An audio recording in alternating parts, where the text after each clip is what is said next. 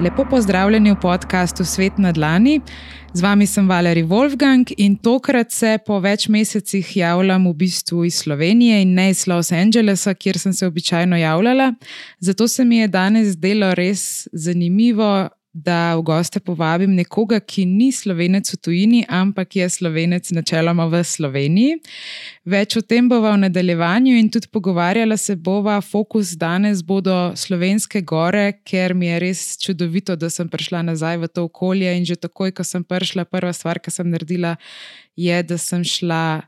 Na mojo ljubo Šmarno goro, ki jo imam tukaj blizu, in pobegnila iz te ljubljanske megle. Uh, glede na to, da sem bila v Kaliforniji toliko mesecev na soncu, mislim, da mi je ta začetek uh, moje nove slovenske zgodbe kar naredil dan.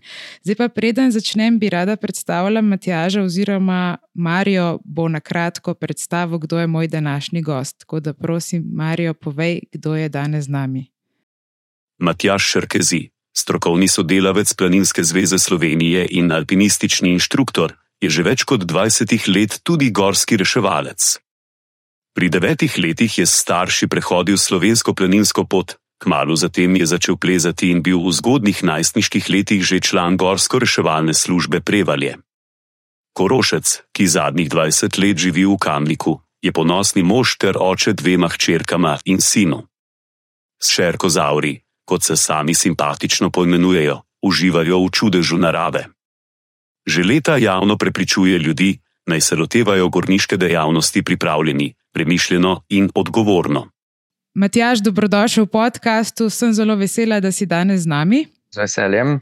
Uh, hvala za povabilo. Tako, veš, kaj bi rada vprašala najprej? Glede na to, da si ti gorski reševalec, jaz sem zasledila tudi v tvojih intervjujih, med drugim si bil tudi delova osebnost leta 2022, a to drži? No, bil sem nominiran, ja, Aha. drži. Ampak pol je bil gospod Pipenbacher, ki dela mostove. Tako da povezuje ljudi. Ampak mi je bila tako zanimiva izkušnja. Ja. Sem zelo v bistvu vesela, da je delo tudi izpostavilo tvoje delovanje, ker gorski reševalci se mi zdijo že odnegdaj tako samoumevni, nekako, da so prisotni v Sloveniji, ampak v resnici ta samoumevnost mogoče ni dovolj cenjena. Pa me zanima, kako se ti v bistvu kot gorski reševalec počutiš glede te službe, ker jaz to delo v resnici ne poznam dobro, ampak velikrat jaz živim blizu v Ljubljani tega kliničnega centra in gledam, sploh ko je Aha. sezona potovanja mislim, in teh obiskov gora, vidim cele dneve helikopter in sem v bistvu kar zaskrbljena, koliko je zadnje čase teh reševanj. Ja, reševanj je iz leta v leto več. Um, ampak v resnici jaz, evo, nikoli nisem razmišljal v tej smeri. No? Morda si mi je zdaj nekako dala eno istočencev za vse skupaj. Um, ali je to naše delo cenjeno uh, ali ne? Jaz mislim, da je v splošni javnosti to naše delo kar cenjeno. Res pa je, da se je morda v preteklosti ni toliko izpostavljalo. Um, ko sem jaz, recimo, pred leti prevzel eno komisijo znotraj Gorske reševalne zveze za informiranje, smo takrat morda malo več začeli delati tudi na tej uh, prepoznavnosti, in seveda to so tudi danes kar lepo pozna. Tudi sama Gorska reševalna zveza Slovenije se je strokovno službo nekoliko prenovila, modernizirala, stopila na novo pot. In seveda vse to se pozna sedaj v javnosti, da se tudi o našem delu govori. In ravno ko smo pač pri tej delovi osebnosti leta, ko sem me lansko leto nominirali, uh -huh. mislim, da je to bil gospod Ali Žrdin, katerega tudi kot novinarja zelo cenim um, je, sem najprej sploh razmišljal, kako k temu pristopiti uh, aktivno ali ne. Zato, ker meni osebno so vsa ta neka priznanja, čisto iskreno, uh, odveč. Že Joža Čop je rekel, da vse diplome, ki jih dobiš, niti za rit niso brisati dobre, ker je pretrd, pa pregladek papir. Uh, da, potem sem pa razmišljal v tej smeri, da dejansko bo to priznanje za uh, celotno gorsko reševalno skupnost. In sem pol nekako vso to, bom rekel, promocijo tudi gradil uh, v tej obliki. No. Uh, ja. Tako da na koncu ja, je vse skupaj dobro izpadlo. Ja, v bistvu to, kar omenjaš, um, da recimo te pohvale in diplome, da so malenkost, kdaj sami sebi namen. Eno zanimivost bom omenila iz Los Angelesa, kar Aha. se tiče tega. Um, recimo, zdaj so bile te poplave v Sloveniji, po katerih še vedno ukrevamo in dolgo bomo ukrevali, ampak kaj to pomeni, ko je neke, recimo, nek športnik na televiziji ali pa neka osebnost tako izpostavljena, kot si bil ti. Jaz sem recimo doživela, um, tik preden sem šla v Slovenijo, da sem se dobila z neko na ključno žensko na cesti, ki, ker jaz sem dosta stvari zdaj prodala, ko sem se selila nazaj v Slovenijo in sem dala na, ta, na te spletne strani, da daš oglase pač svoje stvari. No, in ta neka ženska iz Los Angelesa je hotela kupiti eno stvar. Pol je pa tako v pogovoru v bistvu samo vprašala, iz kje sem, kaj je slišala, da imam drug na glas, in potem sem omenila Slovenijo in sem pričakovala, da ne bo vedela v resnici, kje je Slovenija, ker večina američanov uh -huh. ni mhm. vedela. Ampak potem je takoj ta gospa rekla, o, jaz sem pa ravno donirala, ne vem, je rekla, mislim, da 5000 dolarjev za poplave za Slovenijo. In sem rekla, o, kako ste pa vi slišala, ne pa za Slovenijo. In je rekla, ja, sem gledala zadnjič tekmo, ne vem, neko kolesarsko znano, svetovno. In je rekla, pa je Primoš Roglič rekel, da so poplave in da zbirajo donacije. In sem takoj donirala kot pač neka američanka. In meni se je zdelo to tako zanimivo, kako lahko recimo v tem primeru nek športnik, ne? Primoš Roglič je znan športnik, no, ampak ja, ja. kar se tiče tega, ima očitno ne, že ta mala gesta, ko Primoš Roglič reče v kamero, da so situacija v Sloveniji slaba, da rabimo pomoč, da to veliko naredi. In tako kot si tudi ti rekel.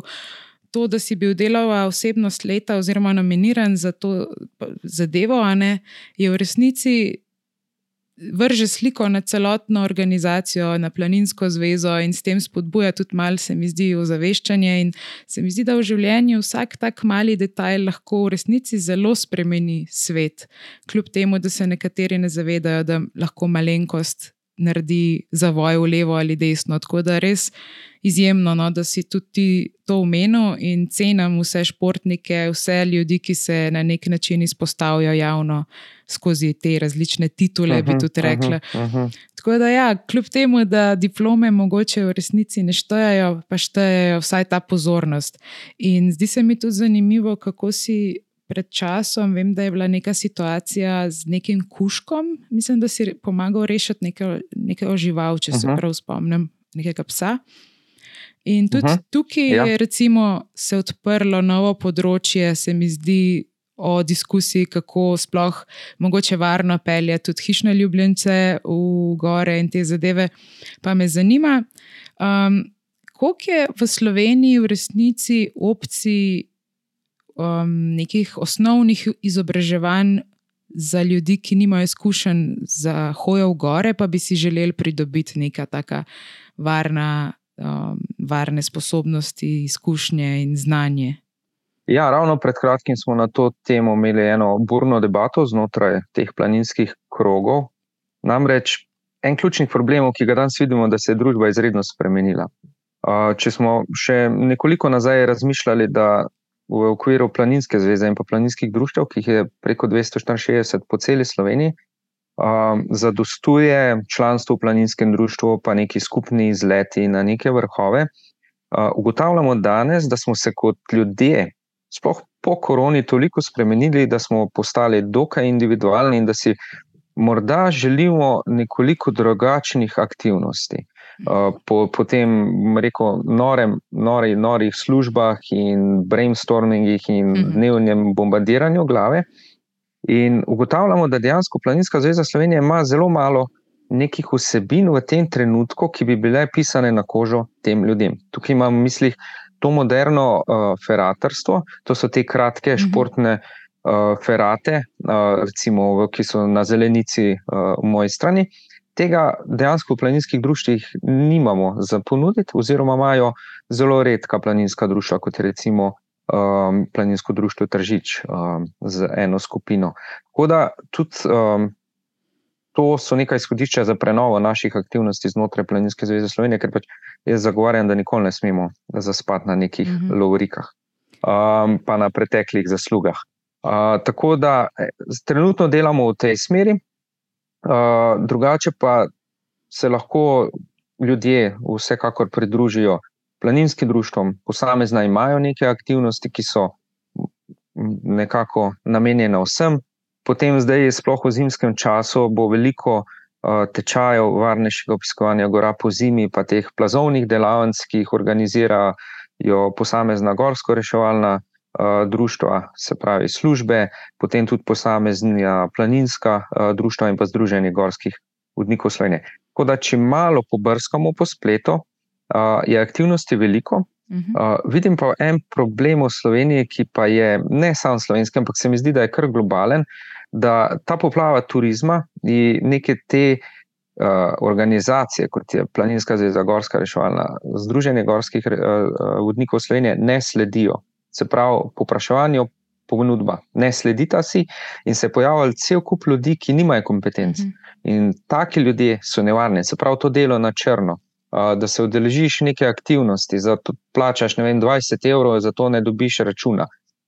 Da so tam ljudje, ki nimajo primerne usposobljenosti za podajanje znanja, in tako naprej. Tudi tega imamo v Sloveniji veliko, kar je bil razlog za tisto nesrečo v moji stroku, katera sedaj nekako dobiva tudi svoj epilog na sodišču, kar se mi zdi tudi prav, da počasi te stvari tudi v naši državi.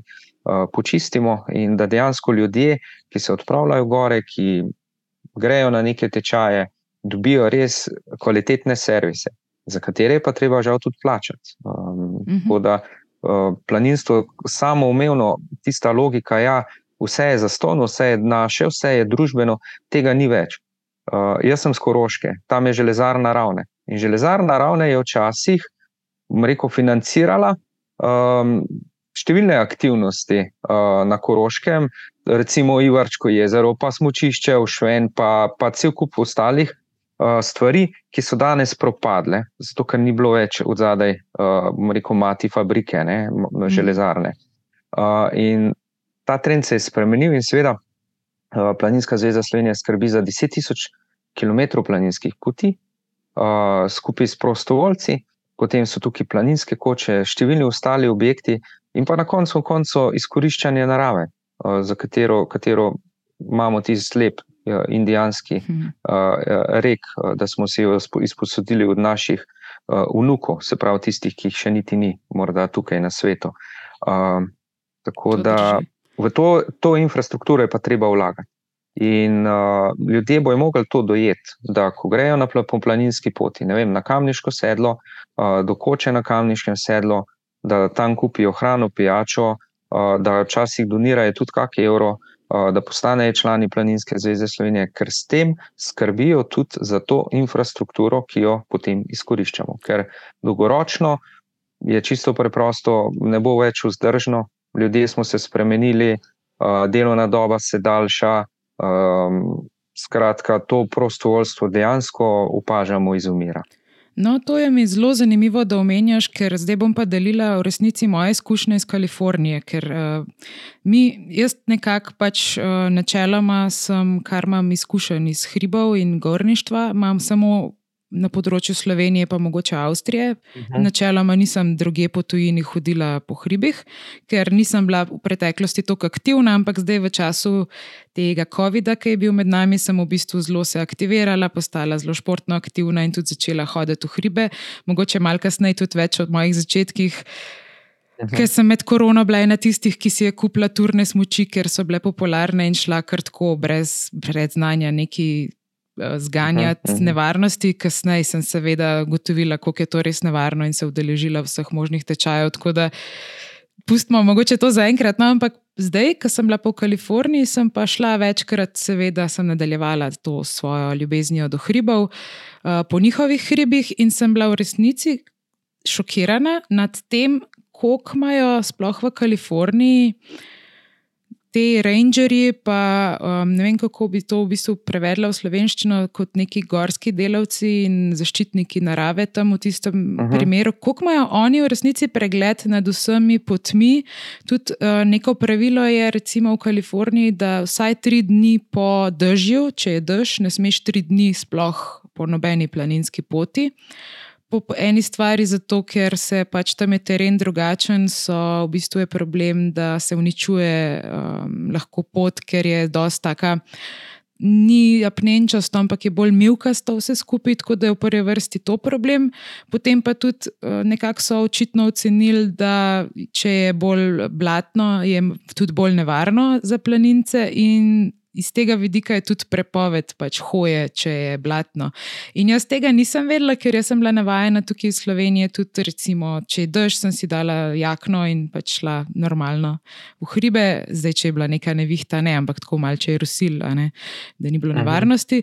Ampak potem me je že prvič tam po dežju, ko sem šla drug dan v hribe, ujel ta ranger in je bilo tako res taka izkušnja čudna za me, ker sem bila čisto šokirana, da je on bil tam in takoj, da moram nazaj in kazen in dokumenti. In jaz sem kar.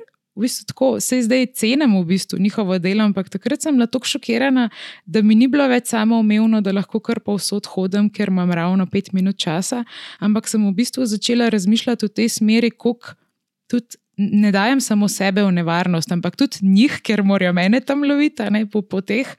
Pa tudi na splošno sem potem začela razmišljati, kako si na nek način v Sloveniji, ki imamo še bolj nevarne gore kot recimo v Kaliforniji, pa Alpe, recimo, sploh. Kako v bistvu je to res na nek način neodgovorno, da nekateri ljudje tako tvegajo, bi rekla, življenje vseh nas, tudi recimo gorskih reševalcev. Pa me mal zanima. Kako je ta ameriški sistem, če si imel kdaj izkušnje, um, tudi ti, mogoče v tujini, če gre tudi naša organizacija malenkost v tej smeri, da bi se te poklici tudi dodali, da ni samo gorski reševalec, ampak tudi recimo ranger. Ne vem, a se grejo pogovori tudi v tej smeri v Sloveniji?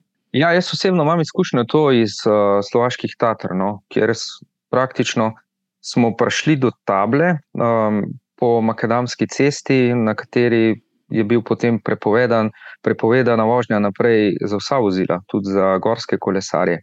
Mhm. Um, in bila je sam tabla, in vsi so tam pustili kolesa, vsi so tam parkirali avtomobile in šli peš naprej.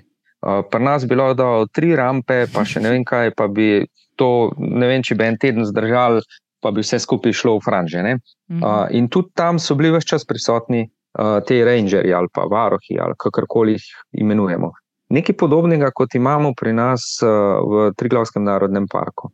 Uh, zato jaz pač jaz s temi rangerji, če jih tako imenujemo, uh, tudi sodelujem. Uh, po zimi smo ravno skupaj imeli eno delavnico, plazovno za njih um, in jih tudi uh, zelo spoštujem, ker to so skrbniki ne samo Triglavskega narodnega parka, ampak tudi narave. Uh -huh. Sploh pa v zimskem času uh, se moramo zavedati, da je to gorsko okolje um, prebivališče, dom številnih živali. In te živali so takrat zelo ogrožene, predvsem zaradi pičle hrane, in vsak nek šum, um, neka nepredvidljiva situacija lahko pomeni za njih smrt. Tega se marsikdo uh, niti ne zaveda, sploh bom rekel, s poplavo danes tega zimskega turizma, ki ga še nekaj let nazaj ni bilo. Uh, in je morda res malo bolj se aktiviral z, z, v času korone, se pravi, uh, turno smučanje, uh, krpljanje in pa vse to. Jaz osebno si res neke policije v slovenskem gorskem svetu uh, ne želim. Želim si pa na nek način prisotnost teh rangerjev, ki bi pa vseeno ljudi na nek način upozarjali, uh mhm. -huh. na, da, da so bolj skrbni do okolja, v katerega vstopajo da so planinske poti namenjene hoji uh, oziroma različnim uh, aktivnostim, uh, da ne sekamo nekih bližnjic. Ravno zdaj sem šel plezati zeleniške špice z otroki in ta prva stvar, tako tista karma. Stopiš iz avta, mem prepele ena ženska, jaz sem mislil, da je na pisti tam uh, na reli progi. Uh, in parkira avto nekoliko više od nas, gor, stopi ven in vrže ulup banane v gost. In mm. seveda nisem mogel biti tiho. Uh, pa se gre za biološki odpadek, ampak treba se zavedati, da banana, ulup banane, pa ulupi od agrumov v naravnem okolju, pa nas v Sloveniji ne propade, zato ker imajo eterična olja, ni encimov, ki bi to razgradile in tak ulup bananin je tam lahko tudi zelo, zelo dolgo. Uh, skratka, ta odnos uh, me skrbi. No? In tukaj bi mogli biti uh, bolj striktni pri vsem skupaj. Druga stvar je pa seveda pol tudi, eh, bom rekel, za celo Slovenijo ta množičen turizem, eh, ki za moje pojme dela tudi škodo. Jaz sem proti eh, nekim množičnim, tudi planinskim pohodom, kot je sto žensk na tri glav in ne vem kaj še, bla, bla, bla, z ne vem čem. tega pač si dejansko ne smemo želeti. Mi moramo vseeno štartati bolj na ta izbran butični turizem, prikazati naše lepote gora in jih hkrati tudi obovrati, pa ohraniti. Ravno zdaj se na območju Velike planine dela velika škoda. Ena največjih neumnosti, ki, ki je jaz osebno ne razumem, je ta, da vem, planina, katera višina je 1600 metrov, se gradi uh, šest, sede, šest sedežnica uh, na tej planini in to na razdalji, ki jo človek prehodi v pol ure. Uh, skratka, infrastruktura, ki ne vem, čemu je namen, um, ki bo tam bolj ali manj celo leto, sem prepričan, uh, da prazna, uh, računati pa na nek uh, zimski turizem, tam neka smočišča je pa, glede na to globalno segrevanje, utopija. Namreč, če vemo, da že visokogorska smočišča imajo težave, kaj bo šele neka velika planina. Poleg tega pa pod veliko planino je recimo še vir pitne vode za celotno območje kamnika. Uh, in um, tukaj te pristojnosti države in pa tistih odločevalcev bi mogli tudi vplivati na to neko uh, lokalno politiko, ker vemo, župan ni nujno, da je najbolj smrt človek v tem trenutku, uh, ki ima neko vizijo, neko prihodnost in me pač to dejansko skrbi, no, po dolgoročno. To tudi mene v resnici zelo skrbi, ker prej sem omenjala izkušnje iz Amerike, Ja, na določenih predeljih. Mislim, Amerika je veliko večja, ne? zdaj Slovenija je tako manjša. Uh -huh, uh -huh. Zdaj, če bomo to zapolnili, nimamo neke možne izbire dodatne.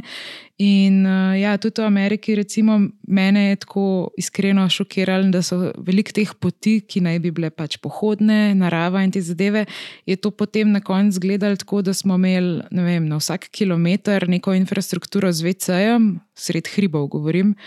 In so bili VC-ji, pa potem ne vem, na nekaterih predeljih, ki jih oglašujejo kot neko. Pohodništvo v naravi, imaš potem Coca-Cola, avtomate in te stvari.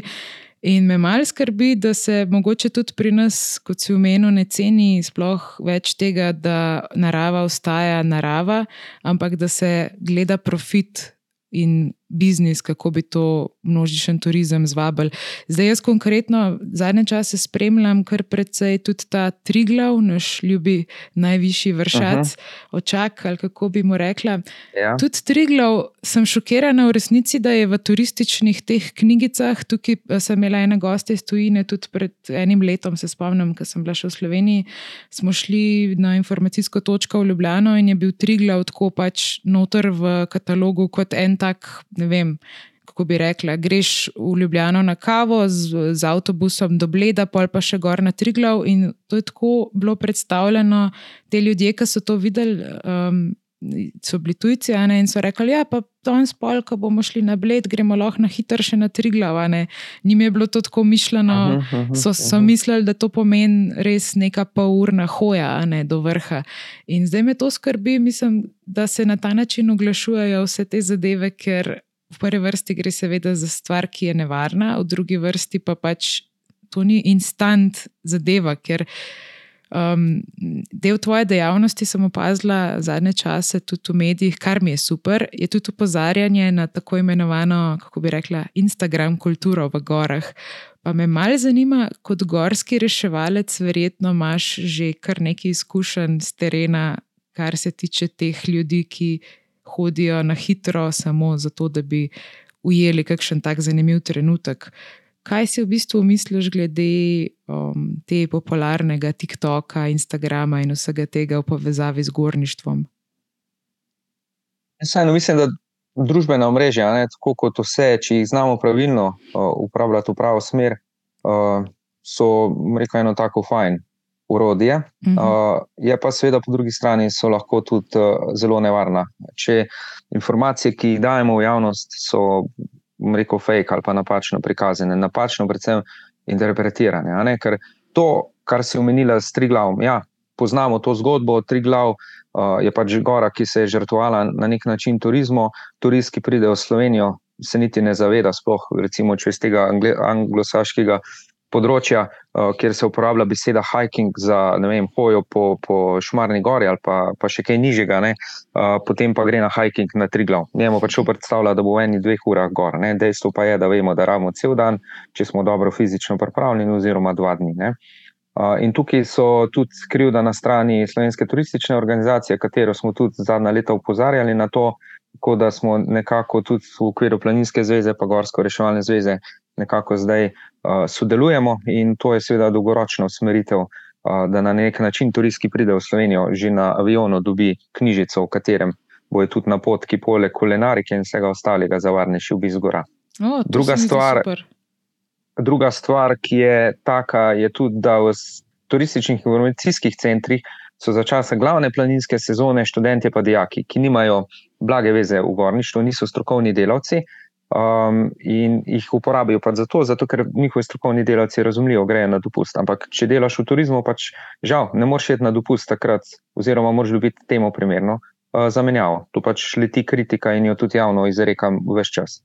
Uh, tako da, ja, ja, tukaj imamo še veliko rezerve in uh, veliko dela. Uh, da, da na nek način preusmerimo ljudi. Kar se pa teh družbenih omrežij tiče, predvsem Instagrama, vem, TikToka, Facebooka, smo pa tudi na nek način sami krivi, ker smo po hribih gradili bivake, kot je bivak pod skuto, ki je sicer lep, ampak je čist uh, neprimeren za gorsko okolje, zato ker je vse čas kot.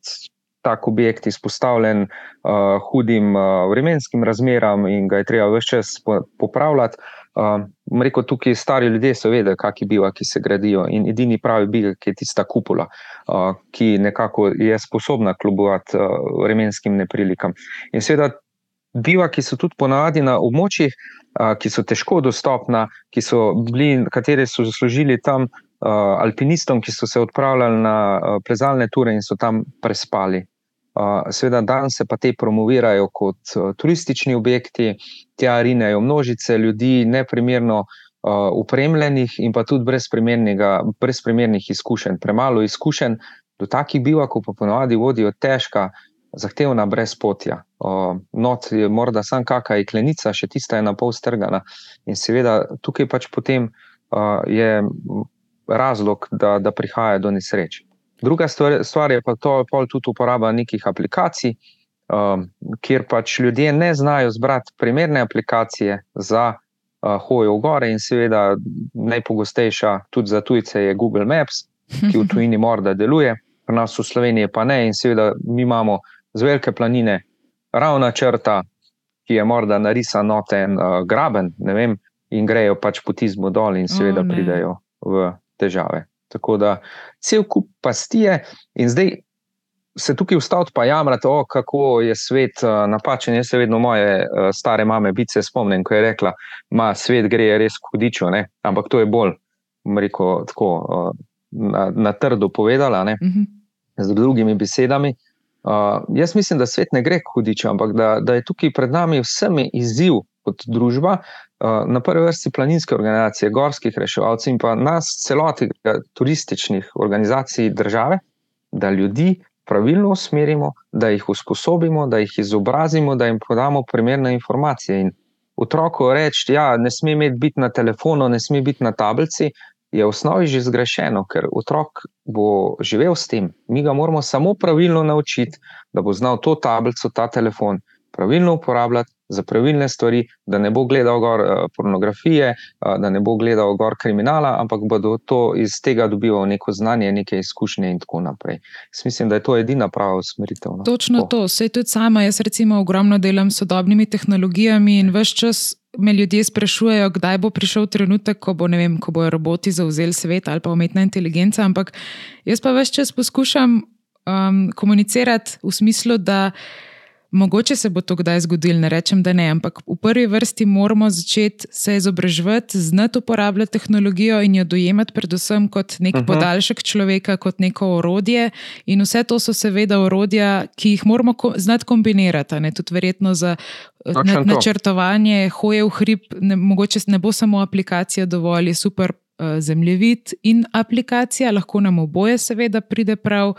In Poleg zemljevida lahko dobimo še mogoče kakšne bolj aktualne podatke o vremenu in vseh teh stvarih s pomočjo sodobnih tehnologij. Zdaj pa v prvi mhm. vrsti je izobraževanje tisto, ki je seveda ključno, da sploh znamo te zadeve uporabljati. Matjaž? Ja, točno to. Jaz, sam, jaz samo recimo uporabljam in če GPT, meni so to odlična urodja. Sej Mhm. tudi internet je bil za naše stare starše verjetno o, o, katastrofa. Ne? Uh, recimo uporabljam aplikacijo U, ki je za beleženje vem, moje dnevne aktivnosti, HRV-ja in tega vsega skupaj. In so zdaj noter vključili to umetno inteligenco. In zdi se mi odlično, ker mi da neke informacije, neka priporočila, o katerih niti sam ne bi pomislil. Mhm. In to so pač ta urodja, ki morda bom odprl aplikacijo, pa mi bo vem, ta virtualni asistent svetoval, hej, danes pa ni za tja gor, uh, se pač obeta nevihta, pa je treš tja, pa tja. Na ta način je treba razmišljati. Ja. Razmišljala sem zadnje čase o tem, ali je mogoče v šolski proces vključenih kaj teh vsebin, ker jaz se ne spomnim iz v bistvu svojega šolanja, da smo kadarkoli sploh govorili o varnosti v gorah. Tako iskreno, res nimam tega v spominu, pa ne vem, ali se je to kaj spremenilo v zadnjih letih. A jaz se pa spomnim, v prvem, a, zdaj v Ja. enem razredu, ne, a en drug ali tretji razred smo brali v Berilu, uh, ena zgodba, ta o prvem usponu zimskem čez severno Triglavsko steno. Od Stonača, pa Kunavarja, pa teh, tega se spomnim. Ampak ja, v resnici, uh, kaj konkretno varno v gore nismo obravnavali. Uh, je pa res, da posamezne šole, žal ne vse, zato ker ni to v nekem učnem programu, uh, če, kar si bi tudi želeli, uh, imamo pa mentorje planinskih skupin. Uh, se pravi, to so učitelji pa učiteljice, ki delujejo v vrtcih, osnovnih šolah, srednjih šolah uh, in uh, imajo te razne planinske krožke in pa te neke določene dejavnosti. Uh, plus, uh, mislim, da morajo imeti vem, vsako leto v okviru um, se pravi športnega dneva tudi uh, nek uh, planinski izlet uh, Mhm. organizirano. Tako. Okay. Uh, je pa res, da so odvisno tudi od šole, pa ravnateljev, pa od samih teh mentorjev, koliko imajo tega vključeno v sam program v šoli. Jaz recimo vem za kamniške šole, da imajo, pa še določene šole okrog tega našega okoleša, no, te planinske Mhm. No, ker to se mi zdi tako skoraj obvezno, da bi bilo v naših šolah, zato ker če tako malo razmišljam širše, se spomnim, ko sem bila v Avstraliji, da so imeli obvezno v šoli, vsaj tisti šoli, kjer sem na eno šolo sem šla pogledati osnovno in sem jim malo pokazala, kako pri njih poteka proces učenja. In ravno, ko sem bila tam na obisku, so imeli v bistvu učno uro. Tako zanimiv se mi je zdel, um, ne vem v sklopu katerega predmeta, ampak učili so se v bistvu, kako reagirati, če pride kača. Pa potem v kačah ogromno, uh -huh. ker pač pri njih je res vse čas obkroženi z temi kačami in je super, da se pač otroci znajo obnašati, eh, ko pridejo v stik z nevarno živaljo. In zdaj razmišljam, ne, mi pa živimo v nekako v objemu teh gora, in slejko prej bo vsak na nek način prišel v stik s tem. Vsaj, tudi če gre za nižjo goro, sej ljudje kar dosti podcenjujejo, se mi zdi že šmarno goro, a ne kdaj, ko skočim na njo. Aha. Čez en del vem, da je kar precej strma, celo plezalna pot, in ljudje potem gledajo, katera je najkrajša pot, pa ne, ne pomislijo na to, da je verjetno tudi najbolj strma. In potem se marsikdo ulovi na kakšni skali in čepi, ne ve, kaj bi naredil, ali pa si ne vem, zvije gležen ali karkoli, in tudi ne ve, v bistvu, kaj narediti.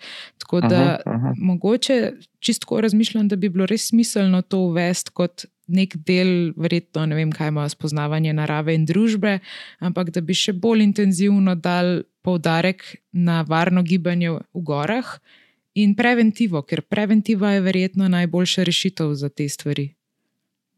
Ja, jaz mislim, da že nek, morda ne samo gore, ampak sploh nek način uh, učenja življenja z naravo in pa v naravi. Ne. Namreč, če pogledam današnje otroke, pa najstnike in pa praktično celotno družbo, koliko otrok pa še vidimo, da plezajo po drevesih, se igrajo zunaj pred blokom oziroma uh, karkoli uh, počnejo. Se pravi, je nekako zgubljen ta stik z naravo. In tukaj je tudi eden od razlogov za povečano število nesreč, ampak ne nesreč, ki se končajo z neko poškodbo, ampak se končajo s tem, da so se ljudje izgubili, ker ne poznajo, ravnati, uh, ker ne poznajo orientacije, ne znajo delati s kartami, uh, ali pa so naturo prevzeli premalo uh, vem, tekočine, pa hrane, uh, pa so dehidrirani postali, pa kličejo. Um, ali pa so dobili čisto navadne žule, pa zato njih predstavlja zdaj največjo katastrofo na svetu in kličejo GRS, ker pač za žulom ne morejo se stopiti. Se pravi, ta stik z naravo se je nekako zgubo. Poleg tega so naši otroci vse preveč, rekel, zaviti v atom. Ravno skandinavske države, katere pač imamo za bolj napredne, ugotavljajo, da so otrok. Morajo vseeno v tej fazi svojega osebnega razvoja do, doživeti tudi neke frustracije v smislu nevarnosti. Mm -hmm. uh, mislim, da je bila tudi ena zelo dobra oddaja na to temo, kjer pač otroci plezajo po skalah, po igralih, in ni tam zraven nobenega starša, ki bi rekel: Pazi, padu boš, pazi, ne tja, uh, nevarno je. Ampak otrok se ni neumen, da se bo kar vrgel dol. On ve, da če bo tam dol padel, da se v polomu in da ga bo to bolel, uh, ali pa da bo celo umrl. Uh, on bo že poskrbel za to, da ne bo do tega prišlo. Ampak, če pa ne bo imel te izkušnje, bo do tega prej prišlo, kot pa drugače. Uh, dejstvo pa je, žal, če smo iskreni, na vsake tok cajta pač človek umre in se nesreče se uh, dogajajo. Tretja stvar, ki je pa za moje pojme bila največja neumnost, je pa športna vzgoja v osnovnih šolah, katero so začeli ocenjevati. In zdaj nekateri športni pedagogi so izgubili fokus tam in dejansko ne vejo, čemu služi športna vzgoja v šoli. Da po uri matematike, slovenščine, otrok se z leta znori, da tisto odvečno energijo ven in potem ponovno sedi k pouku in dela normalno naprej matematiko. Ne, še pri športni vzgoji ga je treba na nek način driblati, kako bo tam neki preskočil, kako bo žogo vrgel na koš in take stvari. In seveda, uh, to so stres. vse stvari, uh, so ja, dodaten stres in pa na nek način. Um, Ja, za moje pojme je to bilo res neumno. No. Ja, tudi menda neke seminarske vzgoja. naloge in te zadeve že počasi uvajajo, da bo tudi treba pač predstavitve določenih stvari podajati pri športni vzgoji in se kar mal izgublja v bistvu osnovni namen gibanja. Uh -huh. Um, uh -huh. Zdaj, jaz slovenske razmere ne poznam toliko, ampak jaz sem trenutno, ko sem bila v, mislim, ko sem bila v ZDA, sem tudi predavala na univerzi in delala študenti in moja predavanja so bila večinoma posvečena virtualni realnosti in vsem tem digitalnim tehnologijam. In študenti so v bistvu pričakovali, da bodo pri mojih urah samo sedeli in gledali, ampak jaz sem poskušala, eh, da smo tudi pri raznih vem, testiranjih VR očal in uh, teh aplikacijah, da smo šli ven iz učilnic in da smo sprobali pač te tehnologije, aha, ampak aha. tako v prostoru in da smo tudi svoje telo uporabljali. Ne vem, že na prvi uri se spomnim, je bilo treba, mislim, je bilo treba. Sem si zamislila, da bomo sprobali ta očala virtualna, ampak v nekem takem kontekstu, da morajo oni, ko bojo v virtualni realnosti, morajo samo počepati parkrat, nič drugega ni bilo treba narediti, kot da stojijo in počepnajo.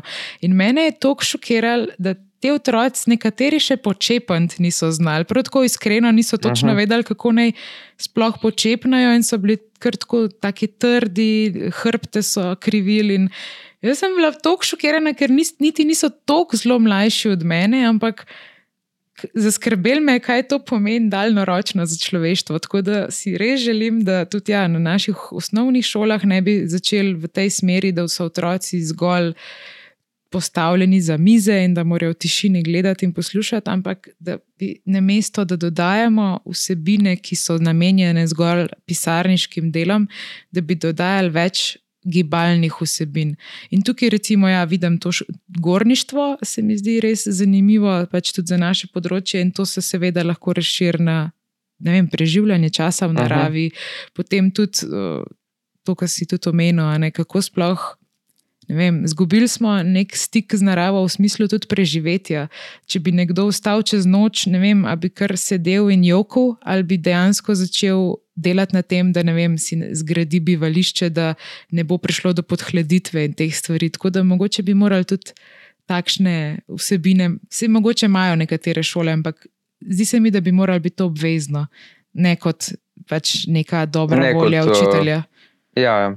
Ja, ja, jaz se to čisto strinjam, ker to vidimo tudi uh, pri, pri naših posredovanjih v gorah, da, da kar lepo število nekih dejavnosti, ki jih upravimo, nekih reševanj, bi lahko bilo pač rešeno. Jaz ne vem, recimo, ne vem, če kot planincu ostaneš uh, nekje na poti, uh, poleti, ki je toplo, pač se usedeš, prebivakiraš noč in greš zjutraj naprej. Ampak ja, danes je to kar. Um, hud zalogaj za vsakega posameznika. In to opažamo že tudi med alpinisti, um, ki, ki imajo te težave, katere tudi na nek način usposabljamo v tej smeri. Um, in tukaj se tudi bojim potem dolgoročno tudi za gorsko, gorske reševalce, da pač. Uh, ne bomo več dobili kadra, ki, ki, ki bo vse to sposoben znal preživeti in živeti uh, s tem. Pred kratkim, oziroma ja, lansko leto sem se pogovarjal z enim inštruktorjem, ki je policist, ki dela na akademiji v Tacnu. Je rekel, da imajo resne težave pri sprejemnih izpitih, uh, sploh še koga dobiti, ker hm. fanti, sicer vsi napumpani, uh, dejansko niso sposobni tam narediti par, par tistih motoričnih vaj, uh, ki so nujno potrebne za sprejem uh, na akademijo. Wow. To, to je pa, ja, tudi to je ena tematika, taka, s katero zadnje čase se malo ukvarjam, ravno zaradi mojih izkušenj dela študenti. Um, v bistvu me skrbi, zdaj po mojih informacijah, če sem prav seznanjena, je trenutno aktivnih gorskih reševalcev v Sloveniji okrog 600. Če, se, če prav uh -huh. vem. Um, je, to, nekje, ja. je ta številka v bistvu lepa številka, ali bi rabili več gorskih reševalcev? Jaz mislim, da bi jih rabili več, uh predvsem v tem smislu, posamezna društva pač imamo ta normativna števila. To pomeni, da recimo GRS Kamnik, kjer sem sam, imamo normativno število 29 uh, reševalcev. To pomeni, da za 29 reševalcev dobimo uh, upremo za njih, uh -huh. od čevlja, oblačila in tako naprej. Zdaj, 29 ali 30, ne me držati čisto za besedo, ampak tam nekje. Um, In seveda, mi pa potrebujemo več za določene uh, intervencije, in te številke se niso uskladile zadnjih par, rekel, kar nekaj let, no, ne zadnjih par let, kar nekaj let. Uh, izhaja še iz tistih časov, ko, ko, ko je bilo za celo Slovenijo vem, 240 nesreč, danes jih imamo pa če 650. Ne. Na leto. Uh, tako da je uh, na leto. Ja. Uh. Um, tako da, ja, predvsem si bi tukaj želeli, teh mlajših kadrov, ki prihajajo. Uh, že jaz, recimo, pri svojih 43, se, sem star na nek način in razmišljam, da se bom tudi počasi umaknil. Uh, predvsem si želimo, ja, mladih fantov, mladih deklet, uh, ki so polni energije, imajo neko vizijo, uh, da to stvar uh, potegnejo uh, naprej. Je pa res, da. V prvi vrsti bo mogla začeti država ceniti to dejavnost v tem smislu, ne samo treplat po ramenih, mm. kako smo fajn fanti in dekleta, ampak dejansko tudi nekaj za to narediti, uh, ker na koncu uh, tako gasilci, kot uh, reševalci, jamarski reševalci, na koncu koncev, kot vsi državljani, plačujemo zdravstveno zavarovanje in ne vem, kaj še, morda bi tukaj lahko imeli kakšne bonitete. Uh, pa zdaj bo spet rekli, da ja, smo pred Bogom, smo vsi enaki. Uh, ampak ja, en da toliko več v neko družbeno koristno delo, kot pa drug. Um, je, ravno prej smo omenjali športnike. Zdaj sem se uh, spomnil te gospodične Tare, uh, tare, tare uh, Baradane, uh, ki tam na eno fakulteto niso sprejeli, ker pač uh, ni upravljala motoričnih ja, ja, izpitov. Ja. Ja, no, ampak uh, gre za svetovno prvakinjo v borilnih veščinah. Uh -huh. uh, zdaj ja, je enakopravnost. Uh, ja, pa dejansko je posod v tem smislu treba uh, razmišljati. Kaj, nihče se ne vpraša, kaj pa ona kot športnica dejansko že naredila za Slovenijo. Tako kot recimo Luka Dončić, ki promovira Slovenijo, pa Tadej Pogačar, pa Primoš Roglič, pa, pa cel kup ostalih uh, športnikov. Uh, nihče se pa ne bo vprašal, kaj bojo dejansko po tej karieri za sabo imeli pa tukaj ne mislim zdaj pogačarja, kjer se obračajo veliki denari, uh mhm. -huh. ampak mislim nekaj, nekega športnika, kjer se pa ne obračajo, pa je še vseeno olimpijski prvak, pa svetovni prvak, uh, pa je naredil veliko za Slovenijo. Uh -huh. uh, in enako tukaj mislim, tudi pri gorskem reševanju. Ne vem. Mm, zakaj pa jaz ne bi kot gorski reševalec, ki sem tukaj in tok let, vem, že od 16 let v tej dejavnosti, uh, imel neke bonitete ne vem, pri pokojnini ali pa pri nekem zdravstvenem zavarovanju, in tako naprej. Ne? Definitivno. Um, Zdaj, ja.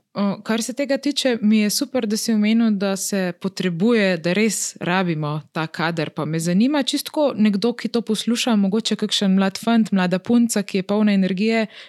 Kako Aha. pa sploh greš na to pot, da postaneš gorski reševalec? Kaj je v bistvu, kako začeti? Ja, dejansko moraš imeti to gorniško alpinistično znanje, kar ga pridobiš v neki alpinistični šoli, uh, ki traja eno leto, postaneš pripravnik, potem pa najmanj dve leti, da narediš ta izpit za alpinista uh, v okviru Planinske zveze Slovenije, Komisije za alpinizem.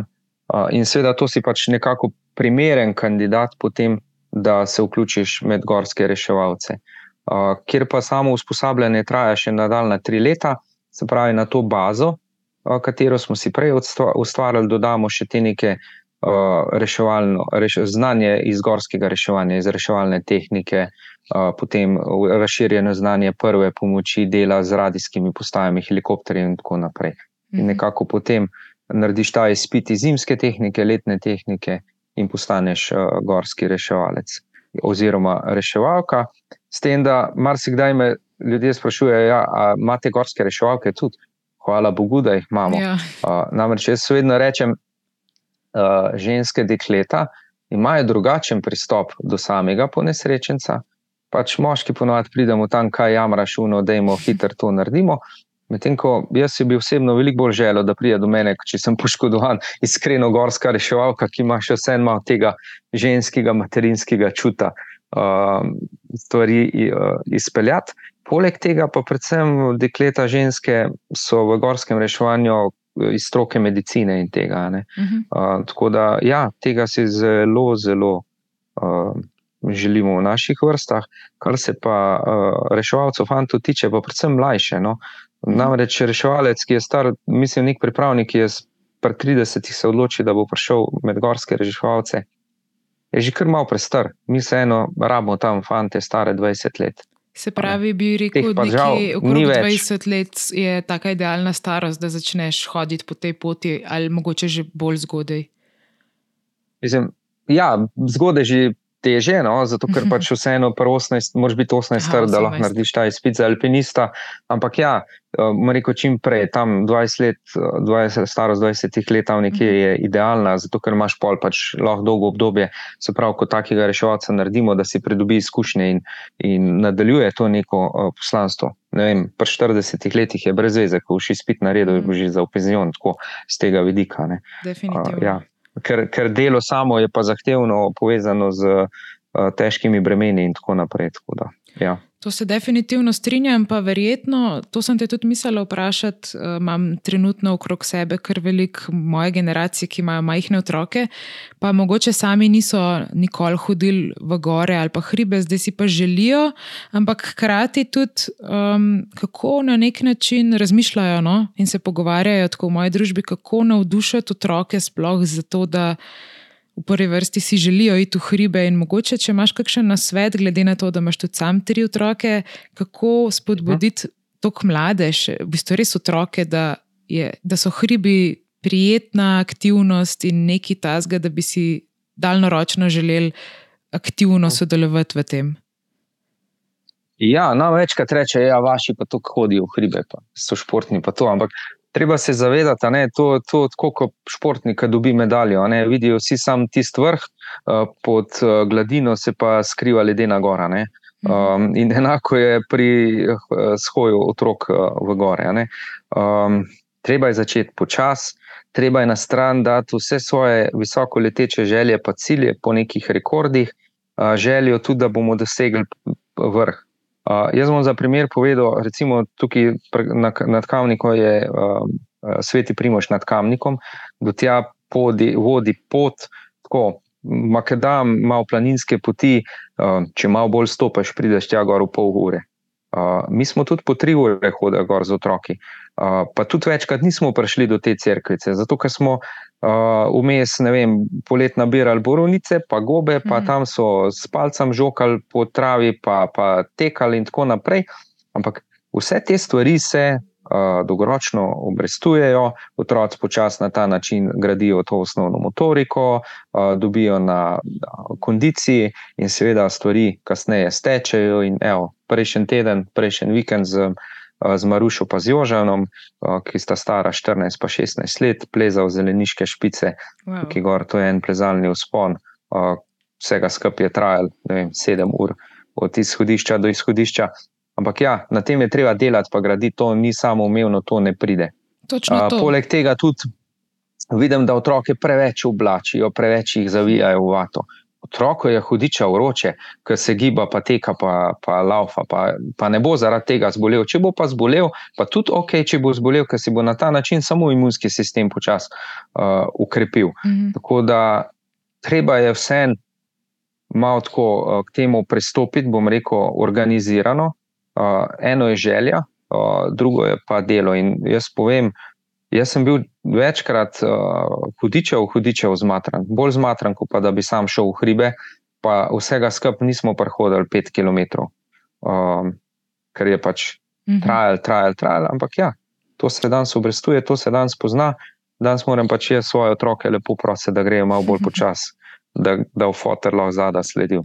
Pa verjetno je nekaj tudi na zgledu. Zdaj, če mi pričakujemo od otrok, da bojo pa ne vem, kako zdravo živeli, poleg tega pa starša, ne vem, potem star za šankom, hmm. pa na kavču, verjetno ti otroci ne bojo imeli nekega hmm. lepega zgleda. Tako da jaz tudi mislim, da premalo se zavedamo, kako smo mi kako bi rekla, po domače, mušter za vzorec pač, ja, za naše otroke. Tako da mislim, da v prvi vrsti vsi, ki razmišljajo -huh. o tem, da bi pač bolj aktivno živeli, da sami res to najprej ugotovijo pri sebi, kako njim to veliko pomeni in potem to dajo lepo popotnico otrokom. Tako da to je ena ja, sigurno, sigurno. Pa, pa predvsem tudi to, da jih ne preveč forsirajo. No? Danes mm. se mi mhm. zdi, da imamo dva ekstrema. En je, da nič, en pa da pol pa preveč. Uh, mene, recimo, moj sin, ki je zdaj 14 let star, že ne vem, koliko caj ta uh, nagovarja, da bi šla midva na en ta daljši trail tek, 50 km. Pa mu skozi govorim, da je tvoj čas za to bo še prišel, to je zate preveč. Mm. In so se pač zmenila, da grejo zdaj novembra na tisto bala trail, ki bo 18 km, ker zato pa vem, da je recimo. Sposoben in da bo čist normalno čez mm -hmm. prišel, in tako naprej. Pa recimo, me sam k temu nagovarja. Uh, tako Super. da tudi te neke uh, uh, bom rekel, neodsanjanje sanje staršev, ki sami neki niso dosegli, ne prenašati uh, na otroke, ker to uh, ni dobro. Pa, pa tudi pol izbira opreme. Uh, Za se kupiti najboljše čevlje, najboljše kolone, enka, mulco pa, pa kar neki. Ne? Pač mhm. Otrok mora imeti primerne planinske čevlje, ne pet številk prevelikih, zato da jih boš lahko še tri leta nosil. Uh, ko gremo na kolo, uh, je tako, kot si sama povedala. Ja, če želimo, da bo imel otrok eh, čelado na glavi, jo moram tudi sam dati na glavo. In tako naprej. In tako naprej. Skratka, ja, mi smo zelo dober uh, zgled otrokom in so kot papige, ki nas bojo ponavljali, tudi če se bomo mislili, da ne. ne. Točno to, ker eh, prej smo v pogovoru omenjali, recimo, kako je to pomembno, da bi bilo v osnovnih šolah, ne vem kaj. Pa tako, kdaj malo preslišim, kdo reče, da ja, to pa zato, ker vem, v, v šoli jih tega naučijo. Ampak Sej šola ni v bistvu starš, mi smo v prvi vrsti odgovorni za pač lastno družino in mi bi morali dati ta zgled in znanje. Zato pa tudi sami se moramo poučiti, ne? ker tako, ko gledam, kakšne planince, mislim, planince, ljudi, ki grejo v hribe, pa pol vidim, da recimo nimajo niti osnovnih stvari sabo, kot je dovolj tekočine, pa kakšen prigrizek ali pa senco, karkoli. Me pol kar zaskrbi, no, da se da grejo te potem ja. navade naprej, ne, ker se ne naučijo. Ja, ker, ker imeti otroke je velika odgovornost. In uh, na vas, kar so vedno rekli, ja, vaši pa spijo, pa vse. Ja, seveda, mi, mi dva pač par let nismo hodila na žure. Danes marsikega starša vidim, da dojenčka drži ob 11, še vedno tam nekje za šankom. Pa pač otrok mora jeti spat ob 8 ja. ali po zajčkih, po risanki. In to pač pri tem moraš ustrajati pri tem moraš na nek način tudi vse svoje želje potem uh, dati na stran, pa podrediti temu, um, se pravi, vzgoji uh, in pa skrbi za otroke. Nam, dan, danes pa pač ima marsikdo otroka, zato ker je to fajn, pa ker je moderno. Uh -huh. uh, otroke pa cel dan uh, potem vzgajajo razni. Družbeno, varstveno vzgojni uh, zavodi, kot so šole, pa vrci, uh, z njim pa seveda se srečamo zvečer in da zadostimo njegovo potrebo, mu kupimo vse, kar, kar si zaželi, kar si na misli, ampak to ni uh, v redu, to ni dolgoročno, to kliče samo po uh, materializmu. Žal pač, če imamo otroke, moramo dati karijere, pa take stvari na stran in uh, je ta glavna karijera potem naš otrok. Vse uh, smo ga hoteli imeti, isto, isto družina, ne? isto, ko danes vsi kupijo psa, ja, dragi moji zato je treba pol poskrbeti, pa bo z nami naslednjih 10-11 let. In to je odgovornost, uh, ne da je potem cele dneve sam doma, pa ne gre na sprehod. Pač. Tako je. Ja. Ja, meni je to v bistvu zelo zanimivo. Pa še ena zadeva je, ki si jo lansko leto, če se prav spomnim, tudi javno omenjal. In mogoče vem, da se najna ura že malo izteka, ampak se mi zdi zelo pomembno, uh -huh. da jo omenjava. Zdaj, omenjava mlade, omenjava izobraževanje in te zadeve. Vem, da si nekar v parih intervjujih omenil to, um, da je imela tvoja hči težave z hranjenjem motnjo aha, hranjenja, aha. ker ona je, če, čeprav vem, je športnica ne, in zdaj v športu je res ogromno aha. pritiska recimo, na doseganje rezultatov in imam malo občutek, da marsikatera mlada punca, sploh pri puncah, no to zapazam, ampak verjetno fanti niso nič drugače, so zaradi pritiska mogoče uh, začnejo. Zaidejo v te težave, tudi kar se tiče prehrane, ker kot športnik v bistvu v resnici rabiš več goriva, ampak zato, da dosežeš manjšo kilažo, manjše kilograme, da si mogoče bolj hiter, bolj uren, se odrekaš temu gorivu, mm. ker hrana je gorivo. In zdaj me zanima na področju. Teh motenj hranjenja. A je kaj premikal, vse več govori o tem, si mogoče sam opazil, da se kaj več dogaja na tem področju? Jaz mislim, da se premalo še vedno, ker po eni strani stroka govori o premalo gibanja. Če poslušamo mm. tam strokovnjake z fakultete za šport, ne, da je vedno več debelih otrok. Po drugi strani, da je tam 80% nekih motenj hranjena v, v športih, ne. dejansko pa, a si predstavljamo, 80% motenj hranjena v športih. Pa jaz, če tako pogledam okrog družbo, noben ne govori o tem. Mm to, to je pol skoraj vsak ta drug, ne, uh, ki, bi, ki, bi, ki ima te težave. Uh, in dejansko, s tem, ko smo mi pač dobili to izkušnjo, uh, hčerka je pač uspešna športnica, uh, mladinska evropska prvakinja v gorskem kolesarstvu, uh mhm. -huh. ampak ona je sama. V tem pač nekako se zgradila skozi naše aktivnosti in seveda skozi te uh, usmeritve, potem je tudi ta karakter, Eh, prišla je tudi v tem obdobju, obdobje pubertete, uh, potem ta družbena omrežja, te ideali na Instagramu. Uh, in na neki točki smo opazili, da se nekaj z njo uh, dogaja, seveda, takoj smo z, z, z ženo vedela, kaj, kaj približno je. Smo šli do specialista, uh, športnega zdravnika, ki je stehta in uno in tretje, in mi dvamo poveva, Ja, draga Maruša, ti imaš idealno težo za šport, ki ga počneš. Se pravi, kolesarjenje, vsak dan boš lepo en zrezek pojedla, pa boš stvar šla na boljš. Ej, pa človek, ti si medicino študiral, pa ne veš tega, da ona nima težave v tem, da bo zrezek pojedla, ampak ona ima težave v tem, uh, da, da hrane videti ne more in da je treba to reševati. Mm. In seveda, mi, kot starša, pa so vedela, zakaj se gre, ker imamo neke take izkušnje, imamo to znanje in sva takoj pristopila k reševanju problematike, in usporedno s tem smo tudi na nek način začeli to izpostavljati. In veste, veš, koliko ljudi se je, recimo, meni javljalo po Facebooku, na Messengerju, ljudi, za katere se sploh ne, ne bi mislil, ker so to odrasli ljudje. Da, ma, da so imeli to izkušnjo, da se še vedno borijo s tem. Uh mhm. -huh. In jaz mislim, da se premalo, premalo govori o teh stvarih, da se premalo govori Točno o nasilju v družinah, da se premalo govori o alkoholizmu, da se premalo govori o motnah hranjenju v športu in da tukaj bi mogel uh, same naše nacionalne panožne zveze bistveno bolj pristopiti uh, k temu. In te športniki, ki so bi mogli biti ambasadori mhm. zdravega načina športa, kot je recimo pri nas v športnem plezanju Janja Garmbret, pa recimo Matej Mohorič to večkrat izpostavi, uh, ker tega je resnično, resnično veliko. To.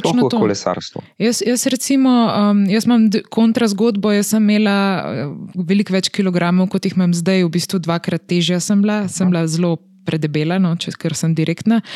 In celo življenje, otroštvo, res nisem se nič ukvarjala z zdravjem, gibanjem, karkoli. No, pa, pa v zdaj v odrasli dobi sem se končno zavedala, da je težava in sem konkretno spremenila v zadnjih letih pač svoj način življenja. In pa sem prišla do ene točke, ko sem pač vse to težo zgubila, da sem v bistvu začela še naprej izgubljati težo in sem bila že v tej fazi -huh, motne -huh. hranjenja. V resnici, tako zdaj, ko gledam nazaj, se zavedam tega, k sreč nimam več teh težav. Ampak v tistem obdobju jaz nisem nikoli slišala za te motne hranjenja, razen za te ekstremne oblike anoreksije in te zadeve. Ampak ne zavedajo se ljudje, da velikrat lahko človek zgleda čist zdrav, športnik, ne vem kaj, ampak v zadju pa so te motnje. In to mi je tako všeč, ko sem pol, ne vem točno, kaj je bilo. Nekdo je govoril o tej zadevi, ravno pa verjetno na podlagi lastnih izkušenj. In spet ne, ta neka malenkost, ta nek govor, ki sem ga slišala, mi je dal misel, da sem pač ustavila to, dokler ni prišlo v neke aha, bolj hude aha. oblike. In zato mi je super, da. Sicer um, zdaj le samo to omenjava na kratko, ampak na splošno bi pa morali več o tem govoriti, ker to je to v resnici težka zadeva, tako kot se omenjajo alkoholike in ostale zadeve. Pač treba je reševati stvar, potem, ko pride do res hudih oblik. Je daljnoročno, mislim, dolga zgodba iz tega lahko nastane, ja. in cela družina je ja, potem prizadeta. Tako da sem zelo vesela, no, da še ja, nekaj delajo na tem.